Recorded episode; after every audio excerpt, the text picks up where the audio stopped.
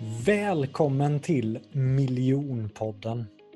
Det finns tusentals föreläsare, coacher, konsulter där ute, men bara ett fåtal kan faktiskt försörja sig på det.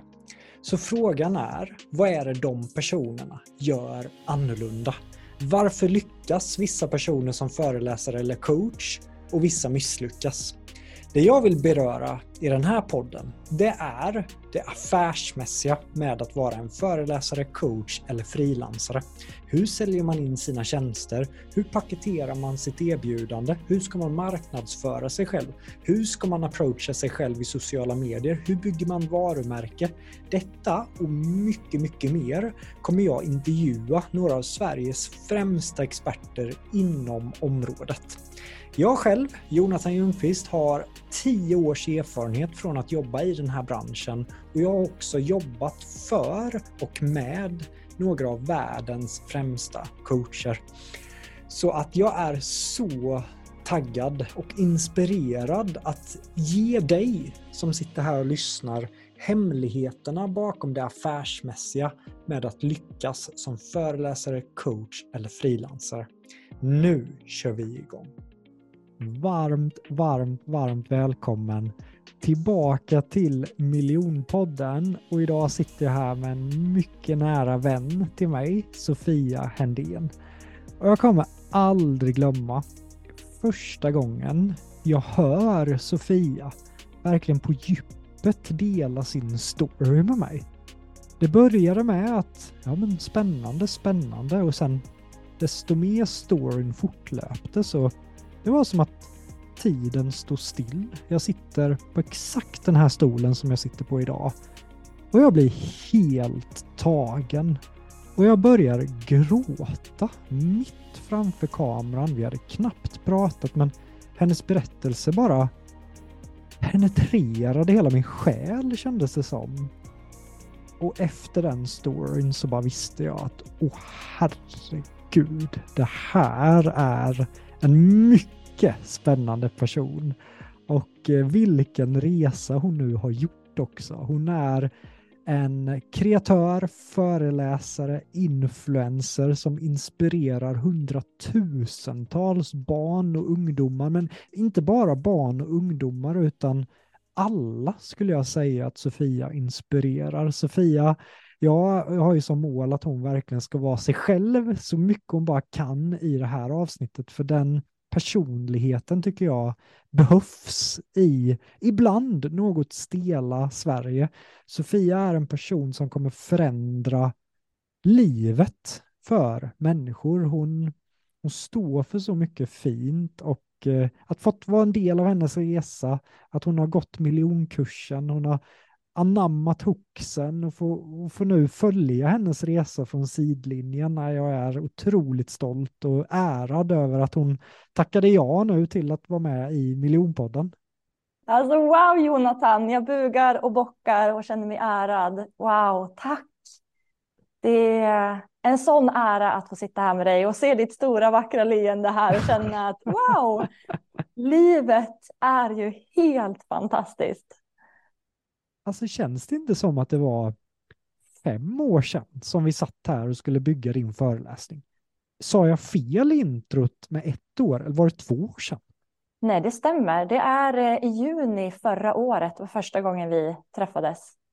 Wow. Och mm. hur, eh, hur, kom, hur fick du höra talas om mig nu igen, Sofia? Jag eh, jobbade som konsult och koordinator för Alexander Pärleros och Ida Varg. Och redan där har ju min resa varit ganska lång inom sociala medier och velat influera med min story. Men det var faktiskt eh, Alexander som eh, du har bästa kontakten, Jonathan, kontakta han och dagen efter så hade vi ett samtal. Just det, det var ju tack mm. vare Pärleros. Det, om mm. Pärleros lyssnar på detta avsnittet så tackar jag ödmjukast att du skickade Sofia i, in i min eh, lilla värld. Jag är evigt tacksam för det och det är någonting som jag faktiskt vill börja med att säga är att ditt stora hjärta Jonathan och ditt fantastiska nätverk med så otroligt mycket magiska människor som har kommit in i mitt liv tack vare att kontakta dig. Eh, ja, Jag kommer kyssa dina fötter den dagen vi ses. Men vi ses väl i augusti? För visst är det... ni på väg och roadtrippar, så visst eh, skulle du och din kära man nu också, får jag ju säga, Emilio, vi svänger ni förbi? Vi svänger förbi. Yes. Vi är ju som sagt på Europaresa just nu. Eh, just nu i denna stund i Champagne i Frankrike. Men snart kommer vi till eh, Jönköping också. Vilket datum? Det är lite det, att jag lever ju lite i det här här och nu. Så att mm. det kan ändra sig från dag till dag, men inom några dagar. Det är verkligen inom några dagar. Det är sant. Då måste jag ju se till att avboka allt annat. Men jag vill ändå passa över berömmen till dig där, Sofia, för att du, jag öppnar upp mitt nätverk för väldigt många människor. Och skillnaden på dig och faktiskt många andra där att du har ändå tagit väldigt mycket egna initiativ till att ta möten med mitt mm. nätverk. Jag menar, du hör av dig, du nätverkar. Jag ser att du har massa möten nu med Alexandra Melli Engvall och du, du är ju väldigt eh, uppsökande också och du tar initiativ och du träffar folk. Och, så det vill jag verkligen credda dig för att om du inte hade gjort det, då hade du inte fått ut lika mycket av, av mitt nätverk. Nej, men verkligen, det här är något som jag gjort egentligen hela mitt liv. Av att ingenting kommer gratis, utan du måste hela tiden sträva efter din egna utveckling och möten och människor. Och min största passion i livet, ända sedan jag var liten, har varit medmänniskan. Nyfikenheten och att kunna utvecklas varje steg du tar varje dag. Och det spelar ingen roll om jag möter en person på gatan av ett stort leende eller vill ge en medmänniska en kram eller få kunna träffa ditt Eh, nätverk som sagt med Alexandra som är min mentor idag. Och eh, det är ju en gudagåva varje vecka jag får prata med henne. Och eh, jag är så extremt tacksam för varje möte med alla människor. För varje människa har något unikt med sig. Vem är det Alexandra då? För jag blir nyfiken. Vem i mitt nätverk skulle du verkligen vilja credda extra mycket som har hjälpt dig framåt? Var det Alexandra då eller är det någon? Det är Alexandra. Melli ja. är min eh, extra mamma. Hon är helt magisk. Hennes hjärta och någonting som också är helt fantastiskt. I den här stunden när du och jag sitter här i podden så har inte jag träffat Alexandra Melli än. Så jag ska ju träffa henne för första gången nu också. Eller också, vi har ju träffats. Men eh, det känns som att jag har känt henne hela mitt liv. Och att få ha henne som en extra mamma och jag längtar till att få komma hem och äta fredagstacos med hennes familj. För det känns som att ja, hon, hon vägleder mig, hon supportar mig, hon inspirerar mig otroligt mycket. Och hon ser mig. Jag jobbar ju med de viktiga budskapen som står på min tröja. Jag ser dig, jag hör dig, jag är med dig.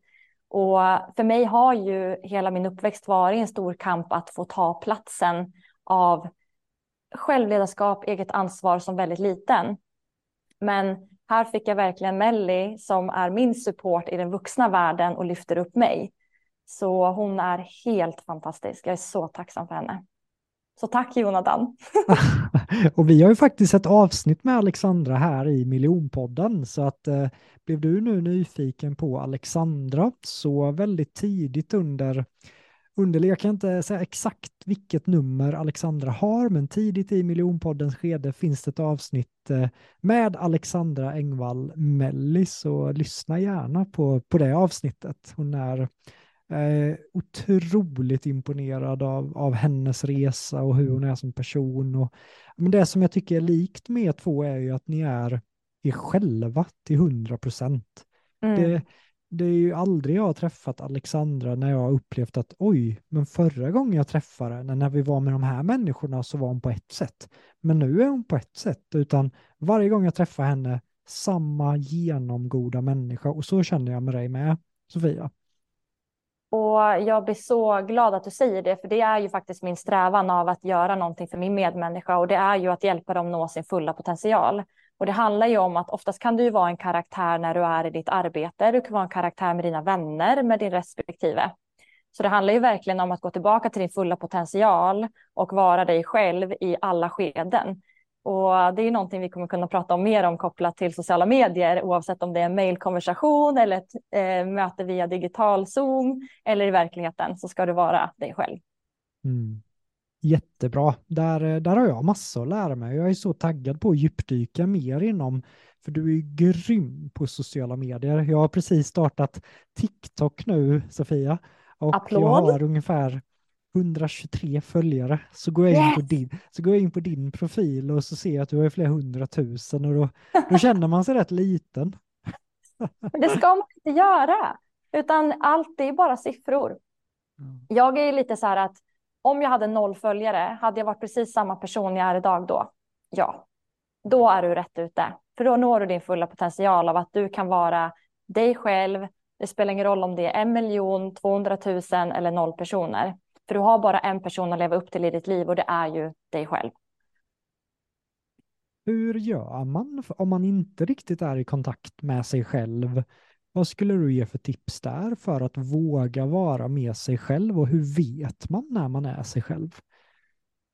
Det är det som jag tror faktiskt i dagens samhälle att folk har lagt på så mycket eh, filter eller eh, vad ska man säga, lager av karaktärer genom livet för att vi vill ju bara passa in, vi vill vara alla till lags, vi vill inte sticka ut och när vi lägger på de här lagren så kan det vara svårt att hitta vem var jag från första början. Så det här handlar ju verkligen om att bli sin absolut bästa vän och lära sig älska sig själv. Så det handlar ju verkligen om att de tipsen och de verktygen jag har använt mig av i hela mitt liv av att acceptera min resa som jag har gjort genom livet, det är ju verkligen att prata självkärlek, att leka framför kameran, framför spegeln, dansa, stoja, vara den du är. Du känner ju, du kan ju känna djupt in i själen när du känner dig glad, när du känner dig exalterad, nyfiken, det pirrar av fjärilar i magen. Ju mer du skapar av det, oavsett om det är att ställa dig och göra fuldans som jag har skapat, eller säga fina ord i spegeln, eller leka teater. Det handlar ju om att när vi är barn så är det mycket drömmar och fantasi. Jag tror många kan känna igen sig i att man satte på en karaoke när man var liten och man hade show för familjen. Att stanna kvar i det hela livet tror jag är en fantastisk nyckel. Och jag känner att jag är fortfarande framför karaoken i familjen när jag står på TikTok, även om det är 160 000 där idag.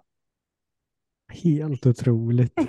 Har det, har det alltid varit så här att, eh, för jag vet ju att när du växte upp så hade du det långt ifrån enkelt. Jag menar när du var åtta år gammal så får du en, en ovanlig eh, tumör. Vad, eh, vad hände där, Sofia? Om du vill dela, du, du behöver inte, utan bara om du, om du vill.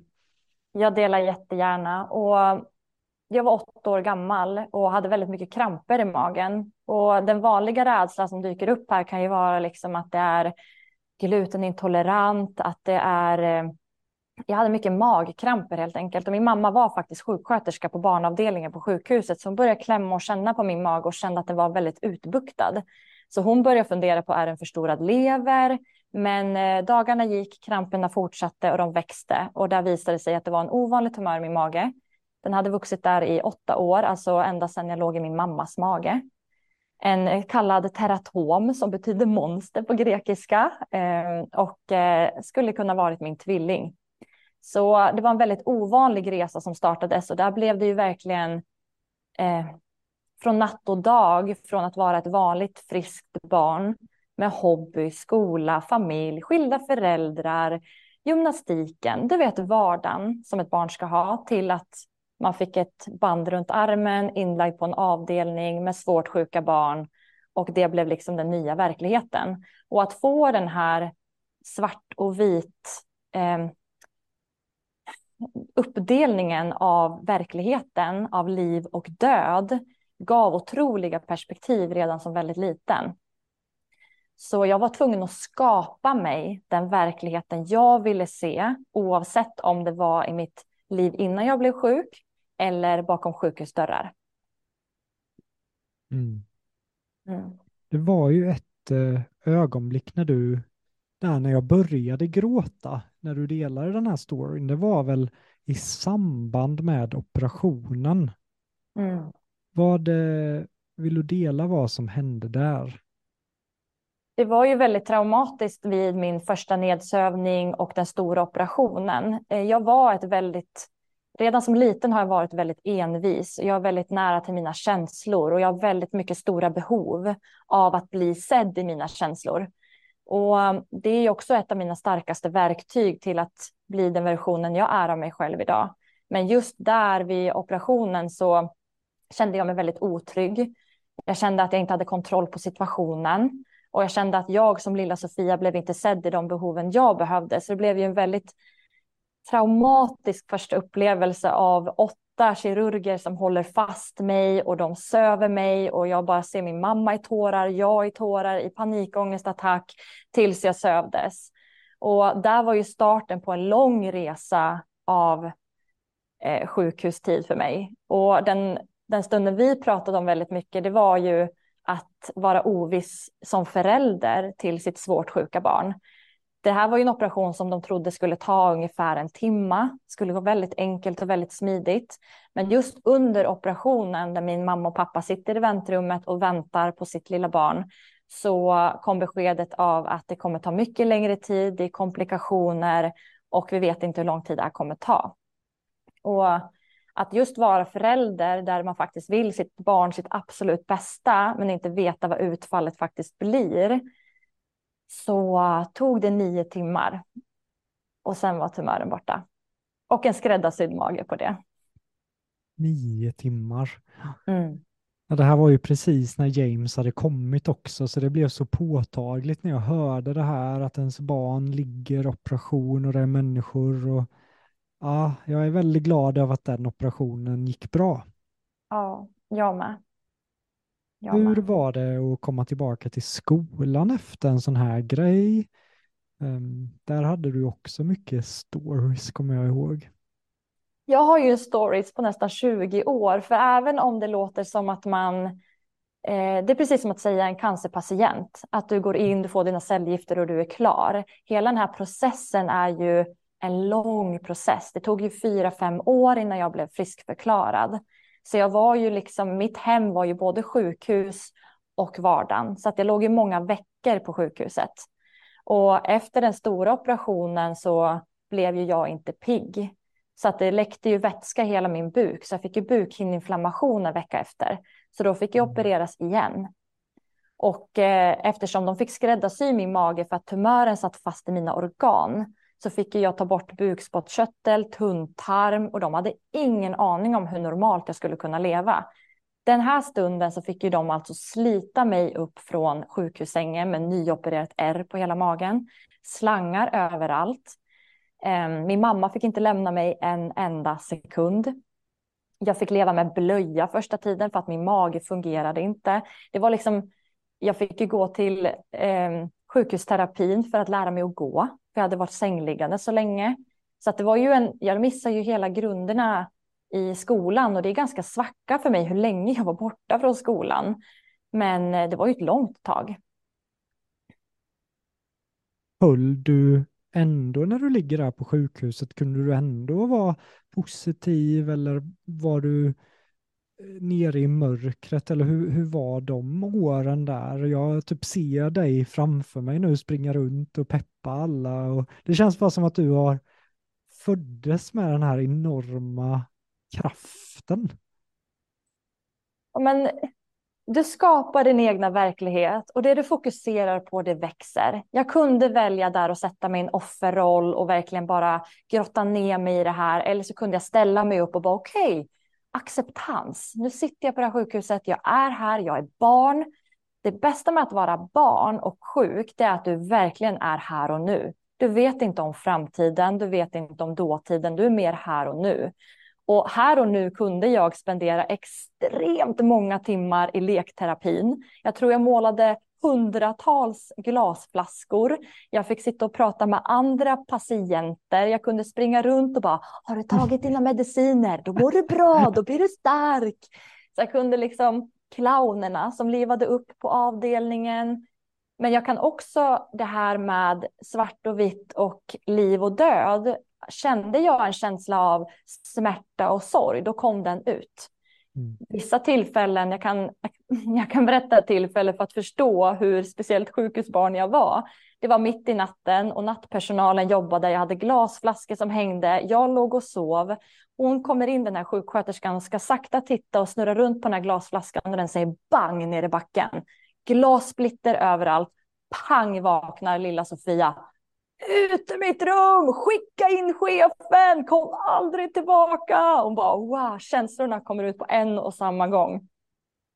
Till att eh, varje gång så fick jag en nalle. Så du kan ju förstå hur många nallar jag hade i min sjukhussäng på sjukhuset.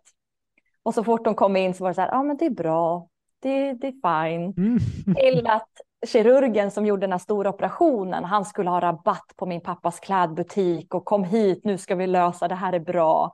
Så just den här med connection till mina känslor har alltid blivit sedda och upplyfta. Ehm, så det är inte bara en dans på rosor. Nej, det är häftigt. När, när i ditt liv insåg du att det jag har gått igenom, det kan jag inspirera andra människor med? När, när, var det under gymnasiet eller var det högstadiet? Eller när insåg du att du ville göra någonting för andra med din resa? Den kom väldigt tidigt i livet och jag har nog haft en förmåga att alltid kunna prata och dela och lyfta, att vara väldigt eh, det lärde jag mig senare i livet just när man förlorade allt materiellt i husbranden, att jag ska lära mig att vara lycklig naken. Jag är min fulla potential när jag vågar vara mig själv. Så att dela min resa oavsett om det är tuffa sjukhusbesök eller Eh, med och motgångar så har det alltid varit en del i min natur. Sen när jag var 13 år gammal så startade jag första gången min blogg. För att det blev en liten process för mig att bearbeta och skriva av mig. Eh, där blev jag väldigt uppmärksammad i tidningar. Så att redan där blev jag omtalad i tidningar i min hemstad. Och då visste ju inte jag att andra motgångar skulle komma längs vägen. Så att det blev en naturlig process för mig redan som 13-åring när jag satte upp den här bloggen. Wow, så att eh, det, det är så intressant att höra tycker jag när man ibland kollar på vissa influenser med hundratusentals följare och tänker att ah, de, de fick säkert de följarna på en dag, men alltså på ett sätt började du då som, som 13-åring med att faktiskt kommunicera till andra människor vad du går igenom och det är som att du har gjort det över halva ditt liv då. Och det här är ju också nyckeln till det jag skapat i mitt varumärke idag. Det är ju för att jag under 20 års tid har analyserat min medmänniska i olika skeden. Oavsett om det är att vara förälder till en sjukt barn för att se hur är min mamma och pappa i den här situationen? Hur hamnar min syster i den här situationen? Hur mådde jag i den här situationen? Till att se de andra motgångarna som har varit med i mitt liv, att se okej, okay, det är fler som förlorar en förälder i ung ålder nu, nu spolar jag framåt i tiden, men för mm. att förstå så har jag suttit vid ett bord med 14 andra ungdomar där en förälder är sjuk för att se varför är han 25 år gammal och får hjälp nu när hans mamma gick bort när han var sju? Vad hände med det här gapet? Mm. Och varför sitter han här idag? Vart var hjälpen tidigare? Till att se andra medmänniskor i den yngre generationen där det händer mycket traumatiska upplevelser. Så jag har liksom varit i den här spiralen väldigt, väldigt, väldigt länge. Ja, verkligen. Minst sagt. Det är ju, jag menar, eh, man kan ju tro att du är, att du har levt 60 år och verkligen nu då ska, men du är så ung men så vis. Det tycker jag är häftigt med dig Sofia. När, när bestämde du dig för att sticka till Spanien? Eh, till Spanien så flyttade vi heltid 2018, men resan började redan tidigare. Att när jag var 13 år gammal så satte jag en vision och en dröm att jag ville flytta utomlands innan jag var 25. Mm-hmm. Och jag visste inte hur, jag visste inte när. Men som 23-åring så köpte jag en one way ticket till Australien, andra sidan jorden. Och bara där kom ju också ett dilemma att eh, ta med mig både sjukvård och sondmat och alla bitar av att begränsningar i livet har alltid triggat mig att prove att nej, nej, nej, jag vet om jag klarar det eller inte. Let me show you. Let the world show you. och ett år i Australien, att skriva ut mig från svenska sjukvården, få hjälp i Australien för att jag vill visa min medmänniska, trots motgångar, hinder, funktionshinder, funktionsnedsättningar, så har du samma förutsättningar att kunna skapa vad du vill i ditt liv. Och efter det året så kände jag att Sverige är lite litet för mig. Det är lite väl inrutat för min personlighet och min liksom, ah, jag vill ha färger, jag vill ha sol, jag vill ha palmer, jag vill ha livskvalitet på mitt sätt att leva. Och det är eh, på varmare breddgrader. Så därför så valde vi att flytta till Spanien för att ändå vara lite närmare Sverige. Och där började du då jobba för Pärleros och Ida eller var det något annat i början? Det har varit många, många resor emellan. Jag har jobbat som konsult hela tiden i eh, Spanien. Så under fem år så har jag haft kanske fyra, fem olika konsultuppdrag. Eftersom jag hela tiden strävar efter utveckling så är det ju att jag vill ju hela tiden växa. Jag är inte på ett arbete för att ha ett hamsterhjul och snurra runt, utan jag är här för att okej, okay, vad är det för portion av utveckling jag behöver här för att växa och ta nästa steg i min karriär? Så uh, jag har haft uh, flera olika konsultuppdrag. Du hade också lyssnat på Daniel Woods avsnitt va? i miljonpodden. Ja. Jag för mig du nämnde, han, så det var intressant för det du sa nu, det var ju det han pratade om att när vi reviewade den här boken Rich Dad Poor Dad. Och då mm. står det i den här boken att det är så bra att ta jobb som man vet gynnar ens långsiktiga dröm för mm. att också lära sig olika hantverk som man sen behöver för sin slut, slutmål. Eh, och det låter ju som att du faktiskt gjorde där, att du samlade erfarenheter, skills för någonting som sen skulle komma.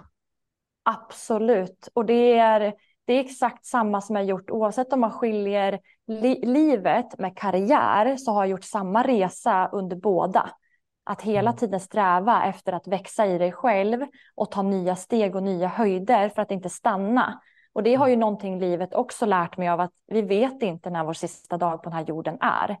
Och om mm. jag varje dag växer i min roll så kommer jag få nya höjder. Och det gör ju också att jag blir inte lika rädd av att satsa. För att den lägsta nivån du faller tillbaka till är där du var igår.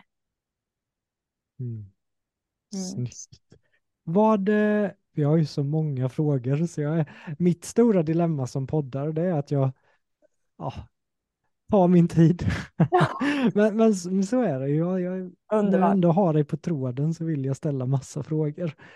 När bestämde du dig ändå för att satsa på att jag ska bli företagare, jag ska bli influencer, föreläsare, kreatör? När bestämde du dig för att ta det steget? Hundraprocentigt så var det för ett och ett halvt år sedan, men det var nog inte ett beslut jag tog, utan det var nog mer en, en eh, att jag var redo i livet att skapa det. Jag tror jag alltid har sett mig som en influerare, att jag alltid har sett min medmänniska i första hand att kunna ge givande information, oavsett om det är min storytelling i resa och livserfarenheter eller hur jag vuxit i karriären. Så det har alltid varit en naturlig del av mitt liv. Men sen som sagt, när jag var 13 år startade jag med blogg. Text är inte my cup of tea. Mm. Utan jag måste prata och få uttrycka mig och få vara liksom en del av något kreativt. Och det kreativ kan man ju vara i text också, men det var inte min bit. Så att bloggen blev ju ett kapitel. Instagram blev ju nästa kapitel. Och där blev det lite för mig att en stillbild säger inte så mycket och det är en ganska skev bild av verkligheten. Så där blev det ett wake-up call för mig att vad är det jag vill sända ut? Jag har ju ändå gjort 20 år av personlig utveckling och självledarskap för att ta mig dit jag är idag. Men det visar inte en stillbild på Instagram. Så när TikTok startades för ett och ett halvt år sedan så kände jag I am home. This mm. is my place. Här får jag ut precis den samma personlighet som jag varit i 30 år, men jag får ut den hundraprocentigt. Och där exploderade det. Och det är väl det som har väglett mig till vart jag står idag med mitt varumärke. Så när du började få traction på TikTok, det var då också drömmen blev ännu mer att det är det här jag vill, nu kör jag. Mm. Verkligen. Och jag, om man stannar kvar vid det du säger här, för det, det, här tror jag är, eller jag vet att det är så viktigt för många andra föreläsare, coacher, konsulter att, att hitta sitt format att nå sin målgrupp på och kommunicera på. Jag till exempel fick ju höra att jag hade dyslexi från en lärare. Jag älskade att skriva och så fick jag höra det och sen började det låsa sig väldigt mycket när jag skrev. Så jag tyckte Facebook och sånt var rätt svårt. Det tog mycket energi för mig. Samma sak vill jag också ändå säga med Instagram och sådana här delar att ja, men då ska det klippas lite filmer till och det ska design och hela rubbet. Och så jag kände mig ganska förvirrad länge på sociala medier. Men när podden, när poddformatet kom och jag bara, ah, exakt sådana samtal jag håller varenda dag ändå. Jag pratar ju business med föreläsare och coacher och jag gör det för att jag älskar det. Och jag vet ju också att det behövs inte klippas i mina avsnitt för att jag här känner jag mig väldigt, väldigt trygg. Väldigt mm. trygg och jag tycker det är så roligt så på samma sätt som du hittar TikTok har jag hittat podden. Ja, jättefint. Man, man väljer det formatet som man tycker är kul. Ja, och det tror jag också kan krångla till det mycket för att alla tror att man måste vara på alla plattformar och man måste liksom rikta in sig efter en, plattform, en plattformsformat. Men det handlar ju om att leka runt och hitta sitt sätt. Och ditt sätt behöver inte vara samma som mitt sätt. Och att hitta sitt unika sätt är ju ett jättestarkt verktyg för att nå ut med ditt budskap. För alla vi människor sitter på fantastisk potential och jättemycket information som världen behöver. Men det finns otroligt mycket begränsningar och rädslor som gör att människors budskap inte nås ut. Så det här är ju faktiskt ett eget ansvar att faktiskt shit, ta ett beslut, ut och lek på plattformen, känn dig bekväm och sen kör all in. Mm. Oh, spännande Sofia. När, hur, när du hade noll följare på TikTok mm. och du började posta filmer och hela rubbet, vad gjorde du tidigt i stadiet för att få mer följare? Var det en strategi eller bara tänkte du att jag är mig själv, jag postar? Eller hur gick tankarna i början på, på TikTok? Jättebra fråga Jonathan. Och här handlar det faktiskt om väldigt mycket att gå tillbaka till passion. Vad är det jag brinner för? Vad är det jag vill ge världen? Vad är det jag vill känna att min medmänniska ska titta på när den ser mig? Och eftersom min stora passion är att dela min storytelling och givandet att väcka gnistor, inspiration och motivation i andra människor så var det ju givande att prata om min storytelling. Så jag berättade jättemycket om min sjukdomshistoria och gjorde avsnitt av det. Och där väcktes det ju att folk ville ju ha avsnitt två, tre, fyra, fem. Och där langades det in liksom 20 000 på typ en vecka. För att folk ville verkligen bara höra mer. Så det var ju verkligen starten på hela min TikTok-karriär handlar ju om att jag delade min sjukdomshistoria. Oj, vad, vad smart det låter att du inte släppte då alla på en dag utan du teasar, du håller på det, du har cliffhangers. Gud vad spännande att, eh, att du kör. Det blir som en Netflix-serie. Men tänk att kolla på en grym serie och sen bara du får vänta tills imorgon. Då, ja. ah, så 20 000 på en vecka. Mm. Och där var det ju verkligen att kommentarerna boostade sig ju. Del tre, del tre, när kommer del tre? Jag vill ha del tre nu. Så det blev liksom en sån här oj, det här vill de ha. Och det handlar ju bara om att sätta upp kameran i soffan. Bara. Avsnitt nummer tre. När jag mm. låg på sjukhuset, då kom personalen in och vad hände då? Klockan var tolv på natten och skulle kolla en glasflaska, den small ner i backen. Mina ögon, bang! Ah, ut! Du vet, mm. skapa det där att, ja, det var verkligen starten kan jag säga. Men strategin bakom var ju kontinuiteten. Att faktiskt vara så här, jag är commit kopplad till den här plattformen. Precis som en relation, precis som ett arbete, precis som ett företag. Vad har du för commitment till det du väljer att ta in i ditt liv? Och för mig blev TikTok ett commitment av att jag ska bli absolut bästa vän med den här plattformen. Och då handlar det om att hur ofta vill jag publicera? Vad vill jag publicera? Varför vill jag publicera det här? Och vad vill jag att min medmänniska som ser mina videos ska känna genom att titta på mig. Så att det är många bitar av faktiskt struktur och planering som faktiskt har bakats in naturligt genom min TikTok-resa som jag kan se tillbaka på idag. Mm.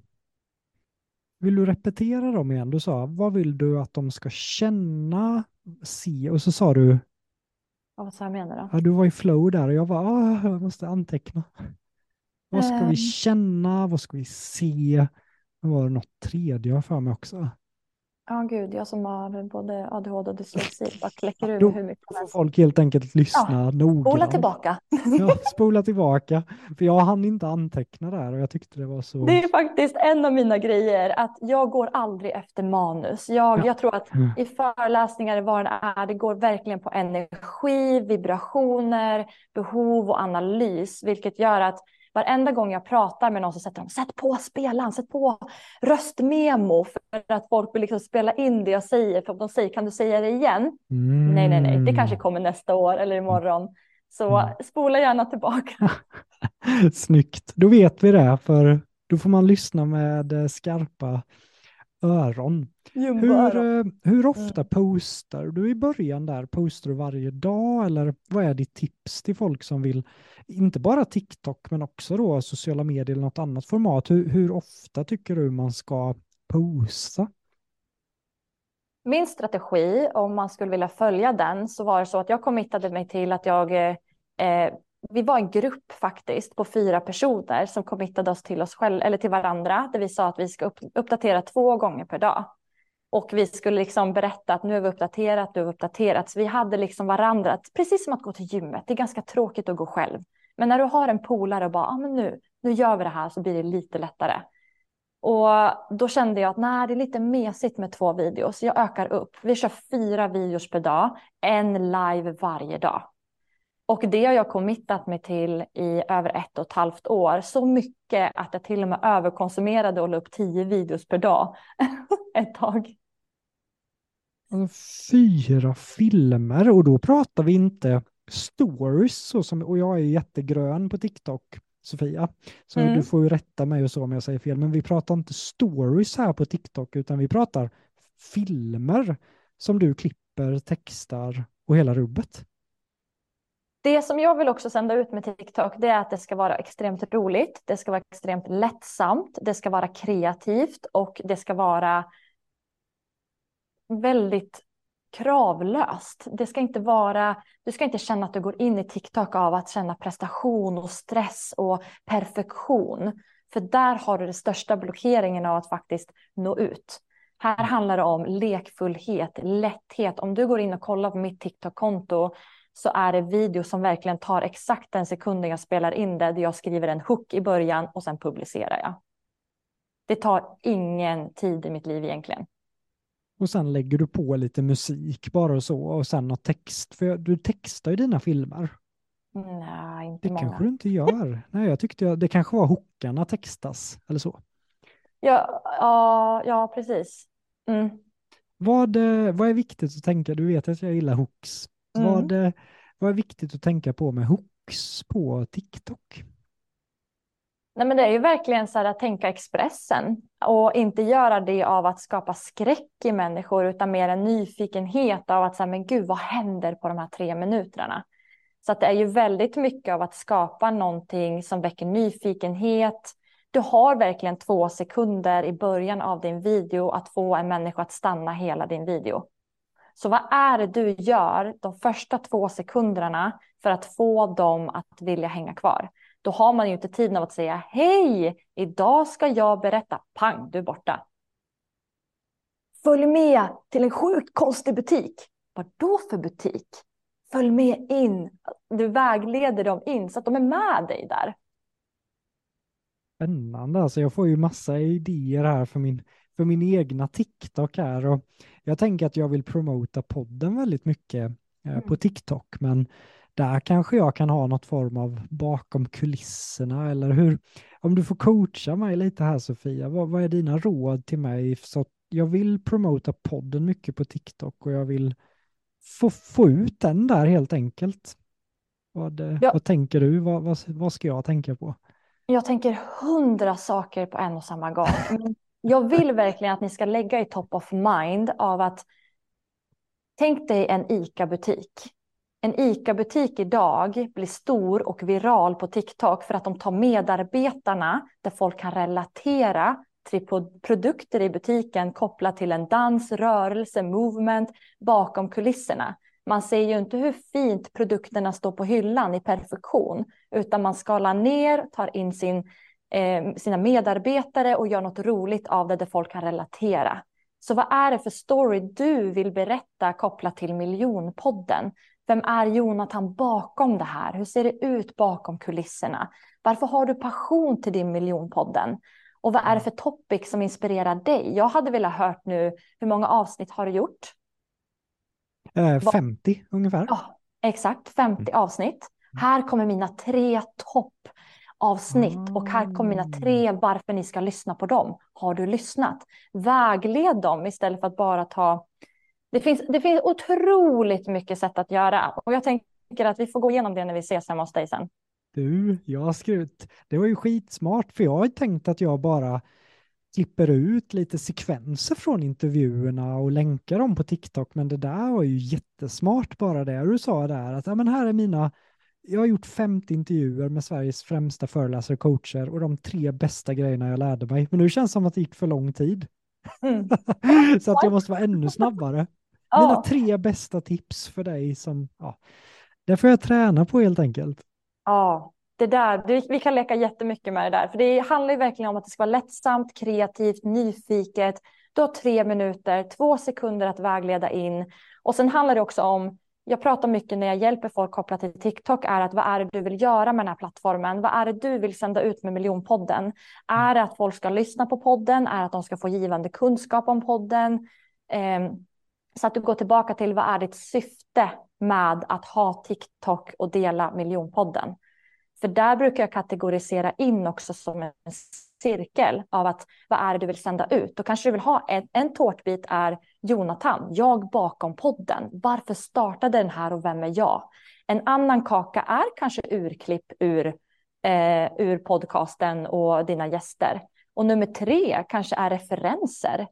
Det kan vara så att man bakar den här cirkeln av tårtbitar beroende på hur snabbt du vill växa din TikTok, hur mycket du faktiskt vill pusha ut. Det är därför jag satte fyra videos per dag. För då visste mm. jag att jag kunde göra en storytelling med min sjukdomsresa. Jag kunde svara på frågor från mm. de som mm. faktiskt följer mig. Jag kunde göra en trend för att bli bästa vän med algoritmer. Och sen kunde jag göra en fuldans för det kopplas till mitt varumärke. Cirkulerar jag på det här varje dag, sju dagar i veckan. Hänger du med? Sjukt coolt. Det, ehm, ja, wow. Jag gillar ju sådana här tårtbitar och, och grejer som du vet. Men vad menar du med trendaspekten som du sa? grejen är med TikTok eller alla, det handlar ju om algoritmer. Det handlar om att du ska få synlighet i de här algoritmerna och just med TikTok så handlar det mycket om sound och musik och trendlåtar. Så där handlar det ju om att det är lite som ett spel. Vissa videos kanske du tar in de här trendlåtarna så att jag visste att varje dag så vet jag att det som syns på min For You, For You, för ni som inte vet, betyder att det är de populära videoserna som kommer upp. Och ser du att det är ett och samma ljud som kommer många gånger, ta det ljudet och lägg in kopplat till din nisch. Så får ju du lättare synvilket i For You. För det var ju mitt största genomslag i TikTok. Det var ju att alla hade mig på For You. De såg ju mig där hela tiden och där sa jag klicka på plus, klicka på plus, klicka på plus. Snacka om att du, tack för den påfyllnaden av just eh, trender, det var ju mm. ett eh, superhack. Bravo, underbart. Vad, eh, vad skulle du säga är de absolut största misstagen för folk som går in väldigt committade på TikTok, som kanske till och med har lyckats på andra plattformar? Vad är de största misstagen känner du när du nu med ditt professionella öga ser konton inte ta fart? Det skulle jag säga är ju hooken på de två första sekunderna, nummer ett. Vad är det du inleder din video med? Du har två sekunder innan du swipar vidare. Se till att den är skarp. Nummer två, släpp prestationskoftan. Vi lever i ett prestationssamhälle där det ska vara så perfekt och vi ska leva upp till allt och alla. Du har bara en att leva upp till. Gå in till din fulla, fulla potential och var dig själv. Det största misstaget är att det är videos som folk säger att det där ingen vill se, den där är dålig publicerar den och de bara wow, den gick bäst. Mm. Där har vi ju problemet av att vi sätter så mycket krav på oss själva att vi minimerar material vi sänder ut. Vi minimerar då också synligheten och möjligheten att nå ut större. Istället för att faktiskt gå in vår fulla potential.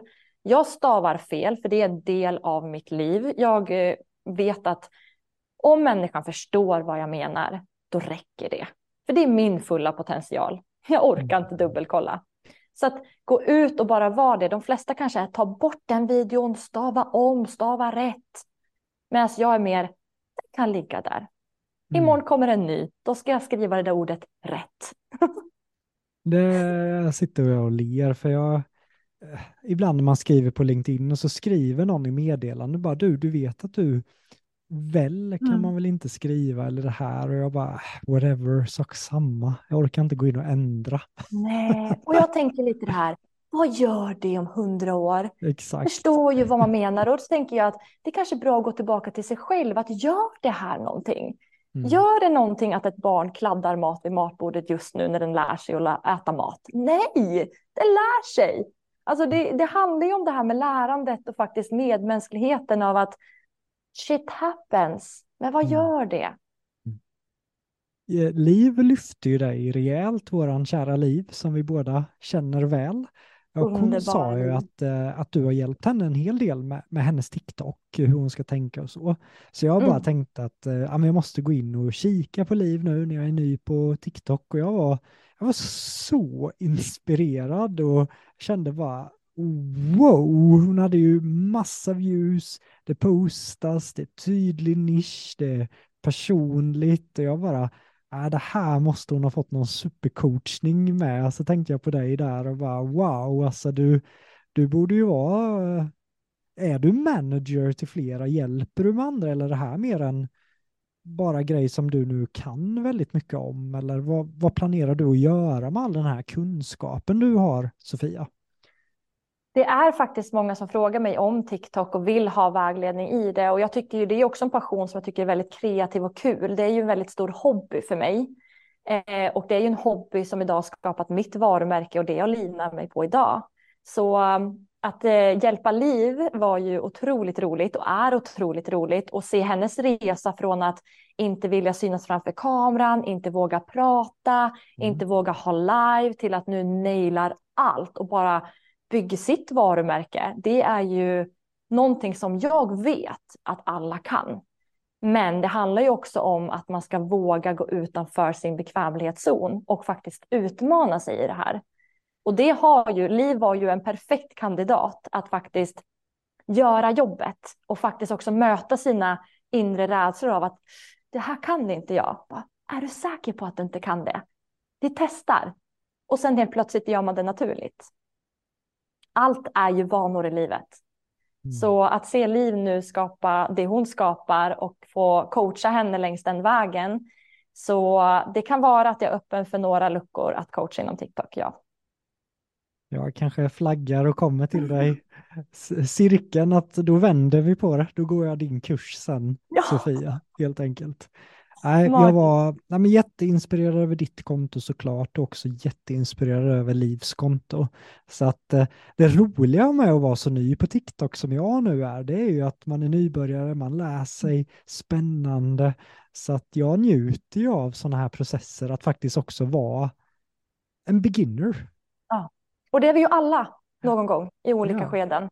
Så det är ju det är verkligen att embracea den situationen och även som du sa att jag har bara eller jag har hundra följare. Det, det är liksom varje person är en person mm. och det är ju starten på någonting som kan bli väldigt stort som förändrade hela min värld mm. till vart jag är idag. Ja, nej, men jag, jag ser ju kraften i, i TikTok och även om jag bara inom parentes har det, men en film fick ju ändå 85 000 visningar mm direkt. Ja. Och det har jag ju aldrig fått på Instagram eller någon. Och det var ju Lukas som hjälpte mig att klippa den filmen. Så att mm. Eh, det var ju bara wow, spännande. Verkligen, wow. Men du har ju till skillnad från många andra, för det finns så många som har så mycket följare och hela rubbet, men tjänar inte en krona på det. Mm. Men du Sofia har ju knäckt den gåtan också och drar ju in mycket ekonomi och pengar på samarbeten, betalda samarbeten och det är någonting jag gärna skulle, för det har vi inte pratat någonting om under mm. miljonpodden. Mm. Hur gör man sådana betalda samarbeten? Det är en väldigt spännande process faktiskt och det är också någonting som är väldigt mycket kopplat till sälj. Du, du lever ju i din mail, i din mail. Det är ju där du verkligen gör förhandlingar och eh, pratar liksom arvoden till upplägg och det är ju faktiskt ganska både korta och långa processer. Och det är väldigt spännande värld och det är ju verkligen under det här senaste året på TikTok som det har expanderat för företag att vilja synas och marknadsföra sig på TikTok. Så att eh, det, det är en väldigt spännande plattform att få ta del av fantastiska företag, precis som att företagen får ta del av det jag har skapat. Jag ser mig ju som en del av teamet när jag samarbetar med någon. Då är jag liksom på plats då jobbar jag med dem. Då är jag liksom en, en del av, av gänget på det företaget för att vi alla strävar åt samma. Jag får dela någonting som är kul och roligt och givande och de får synas och tillsammans så skapar vi magi. Jag pratar mycket magi. Mm. Men hur fick du din första betalda samarbetspartner? För det, det är det väldigt få kreatörer som faktiskt ens lyckas så få och det är någonting med den första betalda föreläsningen. Med den första betalda, det är alltid någonting med den första som är väldigt spännande. Mm. Kommer du ihåg det, Sofia, hur din första betalda samarbete var och hur du fick den? Det första var faktiskt, eh, de kommer in på mejlen. Det blir mm. att när du hamnar mycket på For You, som jag tror jag gjorde, så blir det att du blir en top of mind.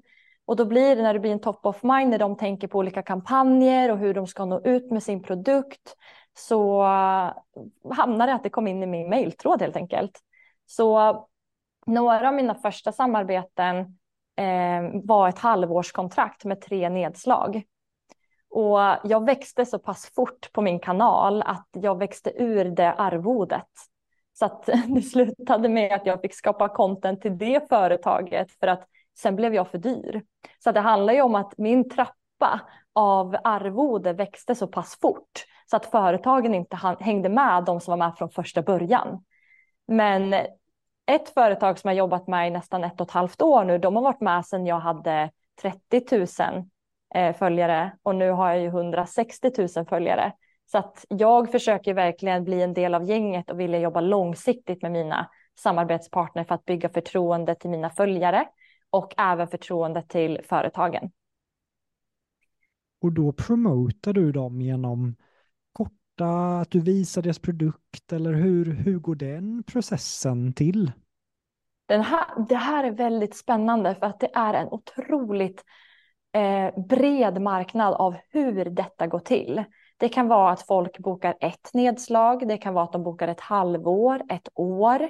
Det kan vara att de eh, bokar eh, att de vill ha clickbait, att det ska vara klick till en länk. Det kan vara varumärkesbyggande. Så att allt är ju väldigt unikt kopplat till varje företag. Så där handlar det om att sätta på din kreativitet. Till exempel mm. ett företag som jag jobbat väldigt länge med, det är en vattenflaska som ger mm. smak genom doft.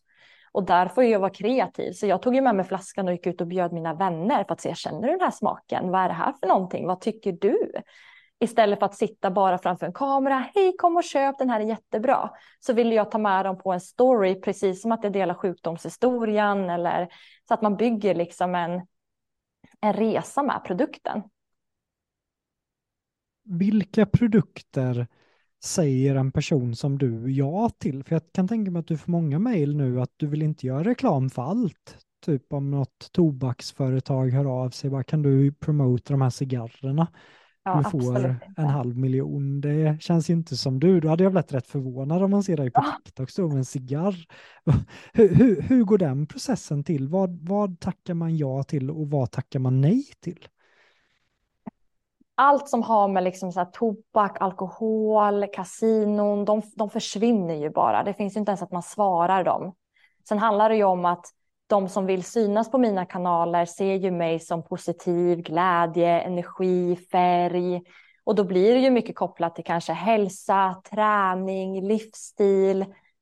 Eh, som där med vattenflaskan och ehm, mycket med kosttillskott och vitaminer och även mycket klädföretag. Och det är ju någonting jag, jag tycker det är kul med kläder, men jag tycker inte det ska vara någonting, jag vill inte bidra till en konsumerande verklighet av att man bara ska konsumera på materiella saker. Jag vill ju gärna att vi ska ta hand om vår hälsa inifrån och ut.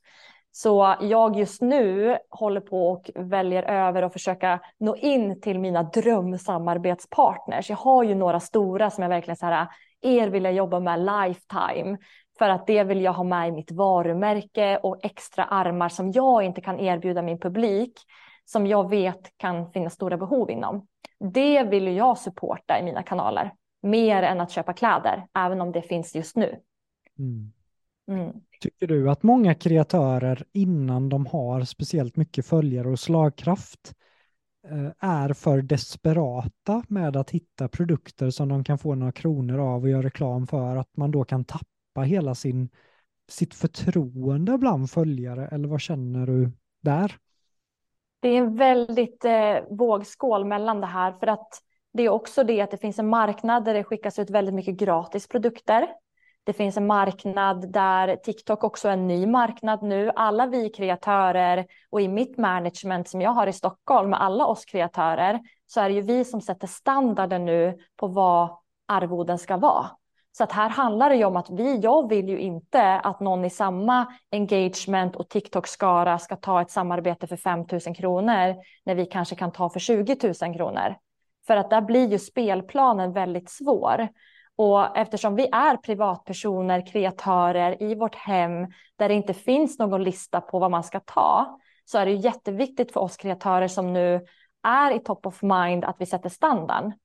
Mm. Så det är ju faktiskt ett tufft jobb vi har nu, för vi sätter ju standarden för framtiden för alla kreatörer som når framåt. Men jag vill också stanna dig där för att det är många som fokuserar på följare. Och det handlar inte mycket om följare för att det kan ju också vara att du har följare som inte alls är engagerad. Så att man får inte, vi är väldigt dagblind i dagens samhälle att vi vill ha likes, vi vill bli sedda, vi vill ha följare, men allt handlar om community. Allt handlar om att skapa dig, din familj, din plattform av engagemang, av dialog, av förtroende, av relatering. Alla de här bitarna är det som bygger ditt varumärke. Hellre att du har 20 000 och ett jättestarkt community än att du har 200 000 och ett svagt community. Då kan ju du med 20 000 tjäna mycket mer pengar än den med 200 000. Hängde du med mm. där? Ja, men verkligen. Mm. Jag drar ju direkt en, eh, när jag var, jag vet inte riktigt, 23, 24, så uh, testade jag ju att uh, marknadsföra i Tanzania. Så jag bara, ah, det finns ju ingen i Tanzania typ som lägger pengar på Facebook marketing. Ja. Så den första filmen gick ju viralt. Den fick ju alltså upp mot hundratusentals visningar och jag la typ tusen spänn. Så jag kände att uh, ja, det här ska jag göra. Så jag fick ju snabbt upp mot 20 000 tansaner som följde mig. Och jag bara, wow, nu är jag en influencer. Det här kommer ju bli något. Och sen insåg jag att hmm, jag säljer föreläsningar i Sverige. Mm. Eh, vad ska jag göra med alla de här som skriver till mig på swahili nu varje dag? Jag blir nedpepprad. Och jag har ingen aning om, jag kan inte kommunicera med dem så mycket, utan jag, eftersom jag hade cyklat till Tanzania då så ja. fanns det ändå en story för mig just med Tanzania. Oh, wow. Så jag blev ju invald till så här Serengetis eh, ambassadör och det var massa grejer, men jag kände att ah, det känns inte riktigt, jag har följare nu och jag ser vad som kan hända, men det känns inte som att det är dit jag vill. Så jag bröt det helt. Jag har inte typ där... loggat in på det kontot. det där är otroligt spännande för att det är ju det att vi lever ju väldigt mycket ideal och ytlig värld där vi kollar mycket på siffror och statistik och vi dömer utifrån det. Men det handlar ju om bakom kulisserna. Tänk om jag hade bara haft följare i Tyskland eller inte vet jag. Mm. Då är ju inte jag attraktiv på en svensk marknad. Så att det handlar ju om att jag jobbar ju mot svenska företag för att min publik är 98 procent i Sverige och sen är jag några i Finland och Mm. Norge. Så att där är ju min heta publik. Så att jag går ju inte in på samarbeten i något annat land. Mm. Men det kan ju också vara att du har en video som går viralt, att du får följare från ett helt annat land. Ja, men då blir det ju precis som du satte dig nu, att ja, men shit, det här kan jag inte göra någonting med. Och det är ju inget företag i Sverige som vill köpa. nej, det. nej. Så, Det var en, en lärdom som med den här podden kände att jag ville tydligt kommunicera att den här podden det är för föreläsare, coacher, konsult. Egentligen är det för alla som gillar entreprenörskap. Men jag Mm. vill inte kommunicera ut för jag säljer just, det gör jag också med Hoxen i och för sig, men jag vill i Mm. alla fall testa och, och rikta mig mer och bygga. Och nu är det några tusen som lyssnar per avsnitt, men det här är ju alltså exakt min målgrupp med personer som är nyfikna på på Mm. Hoxen och bygga föreläsningar. Så att podden är ju för mig helt fantastiskt kopplat till försäljning för att jag pratar med min målgrupp. Helt magiskt. Och då blir din passion mycket starkare också för att den tiden du lägger ner Mm. är givandet för din medmänniska och de du vill nå ut till. Men Mm. eh, bra att du, du sa det att följare är ju verkligen inte allt. Det handlar ju om vad gör de följarna? Hur tar man hand om de följarna? Vad är syftet med de följarna? Klockrent. Jätteviktigt och det där vill lägga till också att den tiden jag lägger, precis som jag sa att, att göra en TikTok för mig är det jag lägger minst tid på. Det gör jag bara på några, ja, pang, pang, pang, pang. Men jag lägger tiden på att faktiskt kommunicera i kommentarer, prata, ha dialog. Jag ser det, jag hör det med mig, det som är mitt budskap. Att verkligen, hur kan jag hjälpa min medmänniska varje dag att må lite bättre, att lära sig lite mer, ta nya steg i sitt liv, än att bara känna att jag matar content och likes och kom, ja. Utan det är mer faktiskt att göra jobbet tillsammans med människor än att bara, hej, här är jag. För Mm. då är man lite fel ute tror jag. Snyggt. Men nu startar du upp ett eh, membership-program. Också? Ja, nylanserat, så taggad. Ja. Wow, vem är det Mm. här för nu då? Det här är ett medlemskap för alla som vill må bättre i vardagen, som känner att de vill ta sig från en situation där man känner sig begränsad, där man känner att man inte blir sedd och eh, känner att man vill utvecklas och nå nya höjder, nya energier, vibrationer, ett community med människor som känner att vi strävar mot samma mål, att må bättre. Vi Mm. vet om psykisk ohälsa, det är en löpande eld över hela världen och jag vill släcka den här elden och det kan jag inte göra själv. Det kan vi göra tillsammans. Och där väcktes det faktiskt det här communityt och medlemskapet genom TikTok där jag kände att jag kan sända ut en del via TikTok, men jag kan inte hjälpa individen lika mycket som jag önskar. Plus att jag känner att vi hänger otroligt mycket på sociala medier och det är både ris och ros. Och jag känner att jag vill förflytta de människorna som faktiskt känner att nej, men jag vill jobba på mig själv och jag vill aldrig känna mig ensam och växa tillsammans. Så skapades eh, Sofias Mindset Membership. Alltså vilken pitch nu Sofia också. Du är ju, vad slipad du är alltså. Ja, jag har haft en eh, stjärna som har lärt mig. Du. Nej, du har säkert massa andra också som har lärt dig med Alexandra och så, men det kändes verkligen som att Hoxen klickade rätt bra hos dig, va? Som, som vi jobbade mycket med. Verkligen. Otroligt. Vilken hook gillar du mest av dem som vi jobbade på med din föreläsning? Ja, men jag älskar ju storyhooken. Jag älskar ju att dela. För jag tycker att i en storyhook så får du med så otroligt många andra hookar. Så att du, det, liksom, det flyger in en cliffhanger där. Det flyger in en relateringshook. Eh, mycket kontakthook. Och, så att jag tycker liksom en blandning av allt. Precis som en prinsesstårta. Du vill ha marsipanen och grädden och sylten och kakan. Du vill liksom ha allt. Men eh, mm. Jag älskar storyhooken också och eh, ja, men äntligen kan jag förklara storytelling på ett sätt som, för innan var det så grötigt när jag skulle, ja men eh, hjälten och det här och det här, men med storyhooken var för mig det mest konkreta sättet som jag kunde få fram storytelling på, inte bara Mm. till föreläsare och coacher utan också till företagare. Så Mm. den är jag är väldigt nöjd med, eh, med storyhooken och kul att du gillar den. Det ska det vara Jonathan, verkligen. Hur, hur viktigt är det affärsmässiga för en kreatör som dig Sofia att eh, det är en sak att vara duktig på sociala medier, men hur viktigt är det att faktiskt också kunna förhandla, att kunna skicka en offert, att kunna ha struktur och alla de här delarna som kommer med entreprenörskapet av att kunna försörja sig som en kreatör?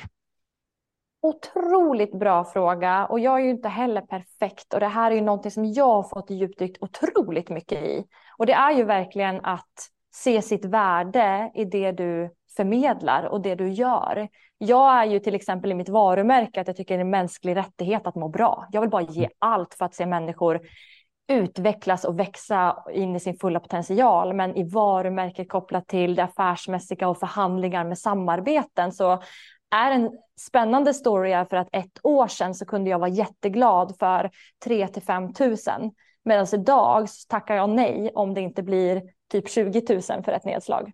Så på ett år från liksom 3 till 5 tusen till mellan 15 till 25 000 i förhandling med egentligen samma bolag så ser man ju hur man ser sitt egna värde i det man själv sänder ut.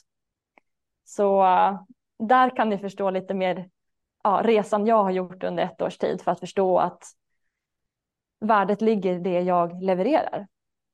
Och hur mycket behöver du göra för de 15-25 000? Hur många filmer på ett ungefär? Bara så att folk får ett hum om vad krävs om man har så pass mycket följare som du har? Hur, hur mycket arbete pratar vi om här?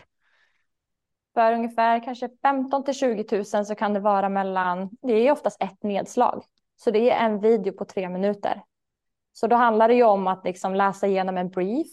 Det handlar om att förstå en brief. Vad är det här företaget vill sända ut? Vad är det de vill lyfta upp? Och sen handlar det om att skapa din kreativitet, hur jag vill göra videon. Eh, och sen handlar det om att skicka in utkast, få ett utkast godkänt och sen så är det publiceringsdatum och sen är det ju att engagera och liksom svara kommentarer och vara delaktig och sen skicka in statistik och sen är det fakturering. Så det är ju liksom ändå en lång process.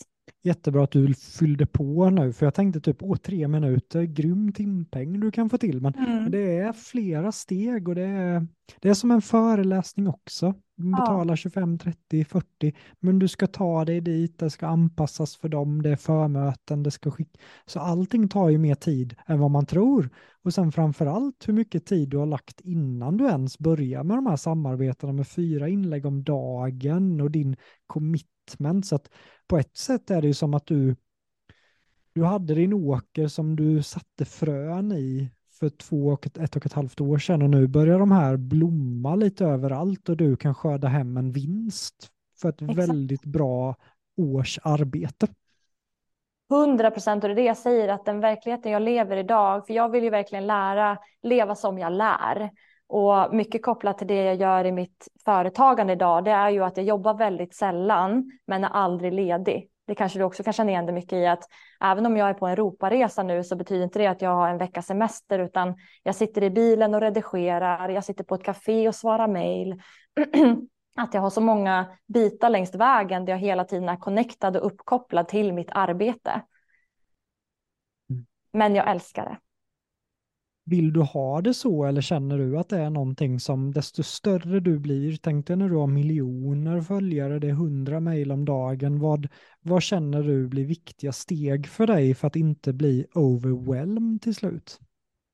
Det viktigaste stegen för mig just nu, det är ju att jag har ju min passion av att hjälpa mina medmänniskor till en bättre vardag och bättre verklighet och bättre mående.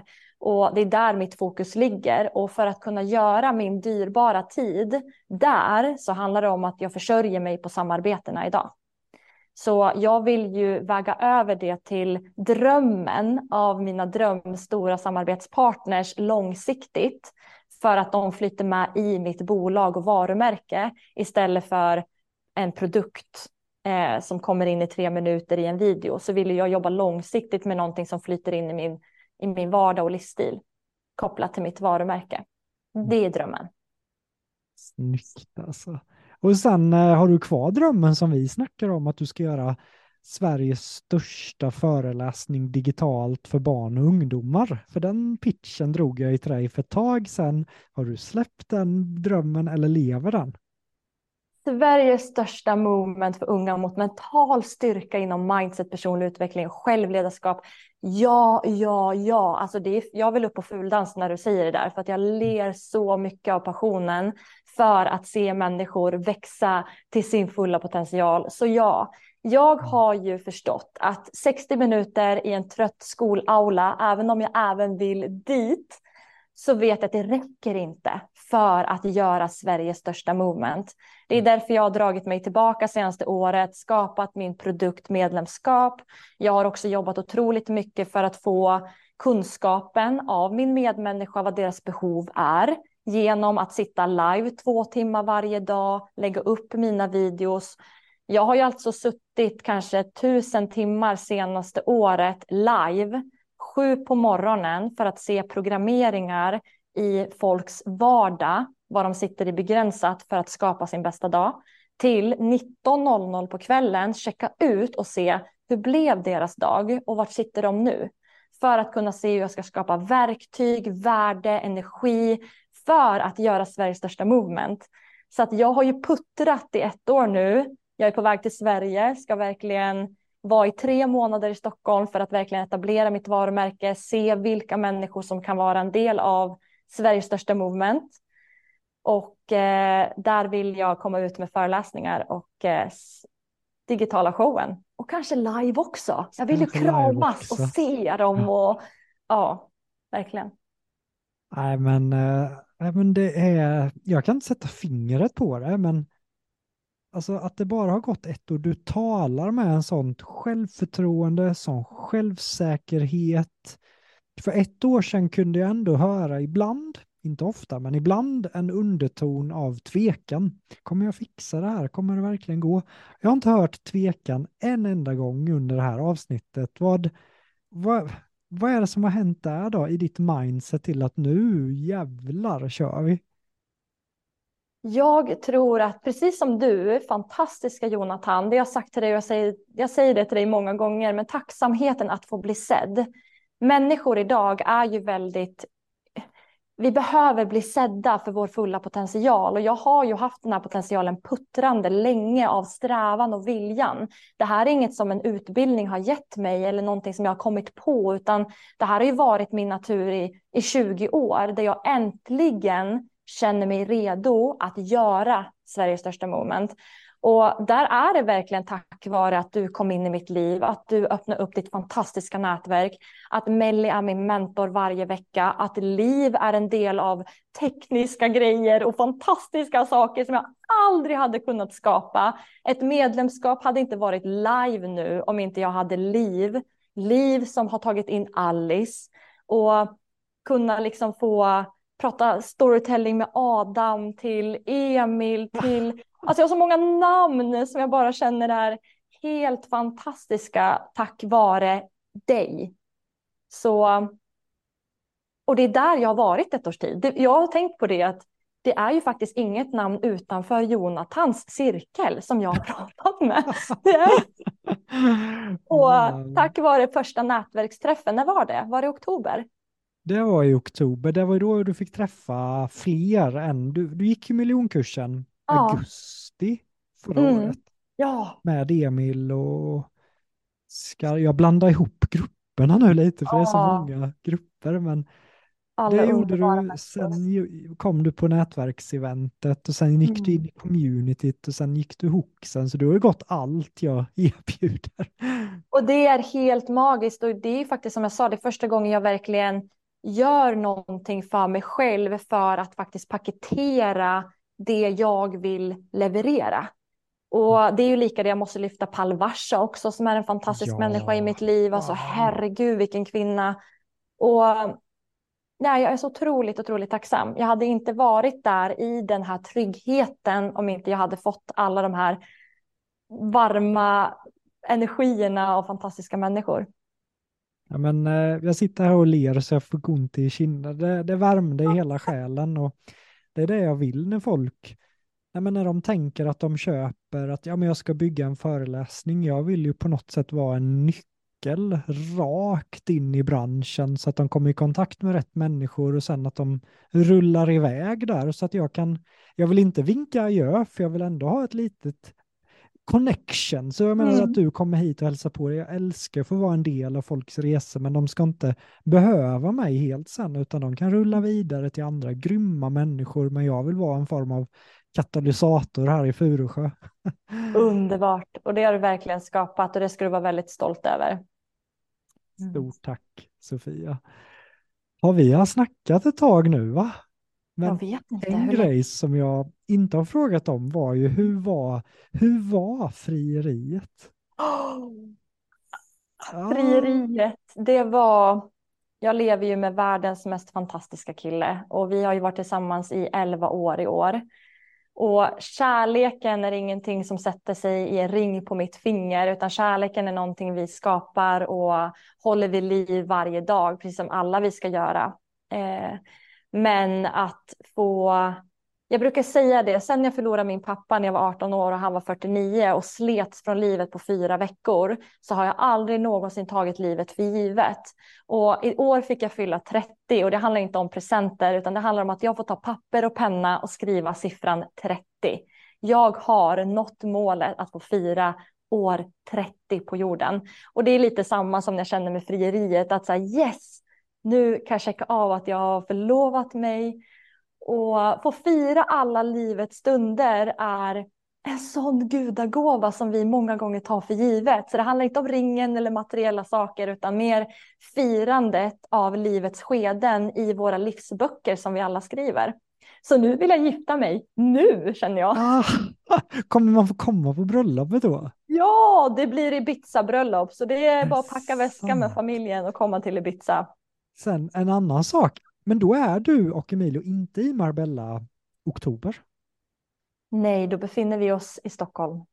Men vad är oddsen? För jag ska dit och föreläsa i september och jag ska på beachparty med Kalle Möller i tre dygn i oktober. och jag tänkte faktiskt, jag, jag, dricker ju väldigt sällan alkohol och hela rubben. Jag tänkte att äh, nu jävlar, nu kör vi. Kör så jag tackade ja. Helt rätt.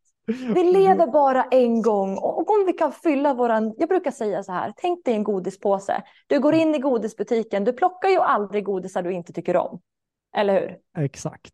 Mm. Plocka alla godisar du vill ha i den här godispåsen och fyll den full. Precis så ska du göra med alla livets skeden. Känns det bra? Vad behöver du? Kör all in. Oavsett om det är att skicka ut en sjuksyster från sjukhusrummet eller ge rabatt till kirurgerna. Men eh, Livet är en fest, livet ska firas, livet ska vara kul. Oh, älskar livet. Gör inte du det Jonathan? Jo, ännu mer nu efter vårt samtal. Jag blir så glad och taggad och nej, det mm, du har en, det är någonting med dig Sofia, så är det. Vilket avsnitt det här blev ändå, eller hur? Wow. Ja, att samtala om livet och allt är ju det finaste samtal vi kan ha. Mm. Mm. Är det något sista du vill skicka med till? Framför allt så är det ju många andra kreatörer, föreläsare, coacher, konsulter, influencers som, som lyssnar på miljonpodden. Är det något sista mm. du vill skicka med till, till min målgrupp? Jag skulle vilja säga skapa din bästa dag idag.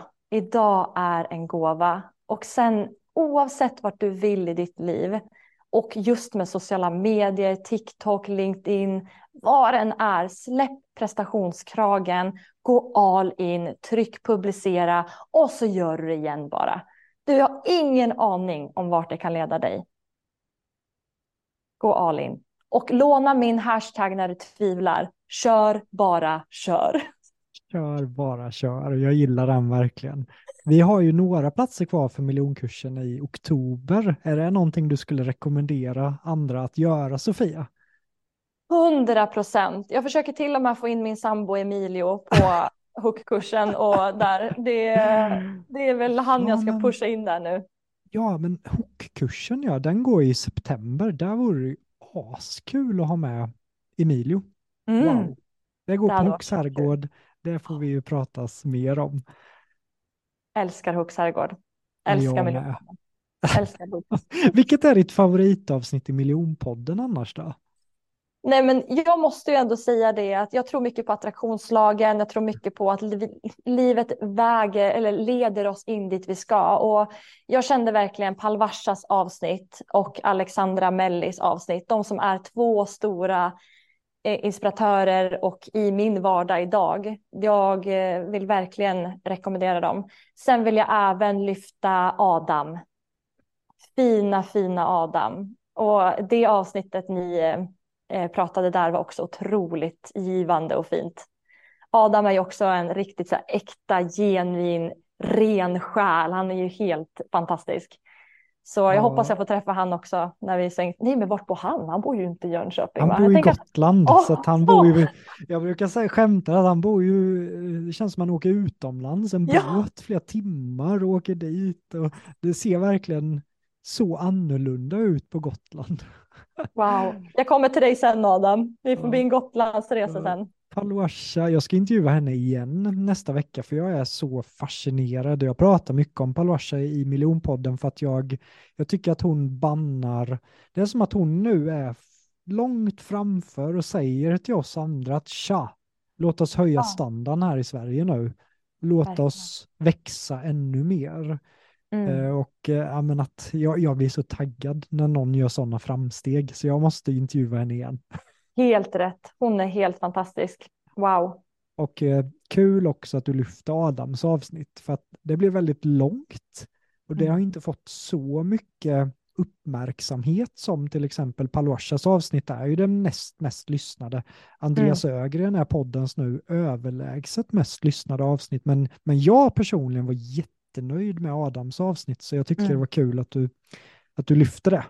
Verkligen. Hej Adam. Du har lite tid för miljonpodden under din roadtrip hör jag. Det är många poddavsnitt här. Det är den enda podden som finns i min atmosfär, miljonpodden. Tack så jättemycket Sofia. Och tack så jättemycket för att du har lyssnat på det här avsnittet med mig och Sofia. Vi länkar hennes TikTok, Instagram, membership site och eh, allt du behöver för att komma i kontakt med Sofia. Hör jättegärna av dig till oss vad du tyckte om det här avsnittet. Vi känner verkligen att det här blev ett riktigt succéavsnitt. Hoppas du känner detsamma och jag önskar dig en fantastisk dag.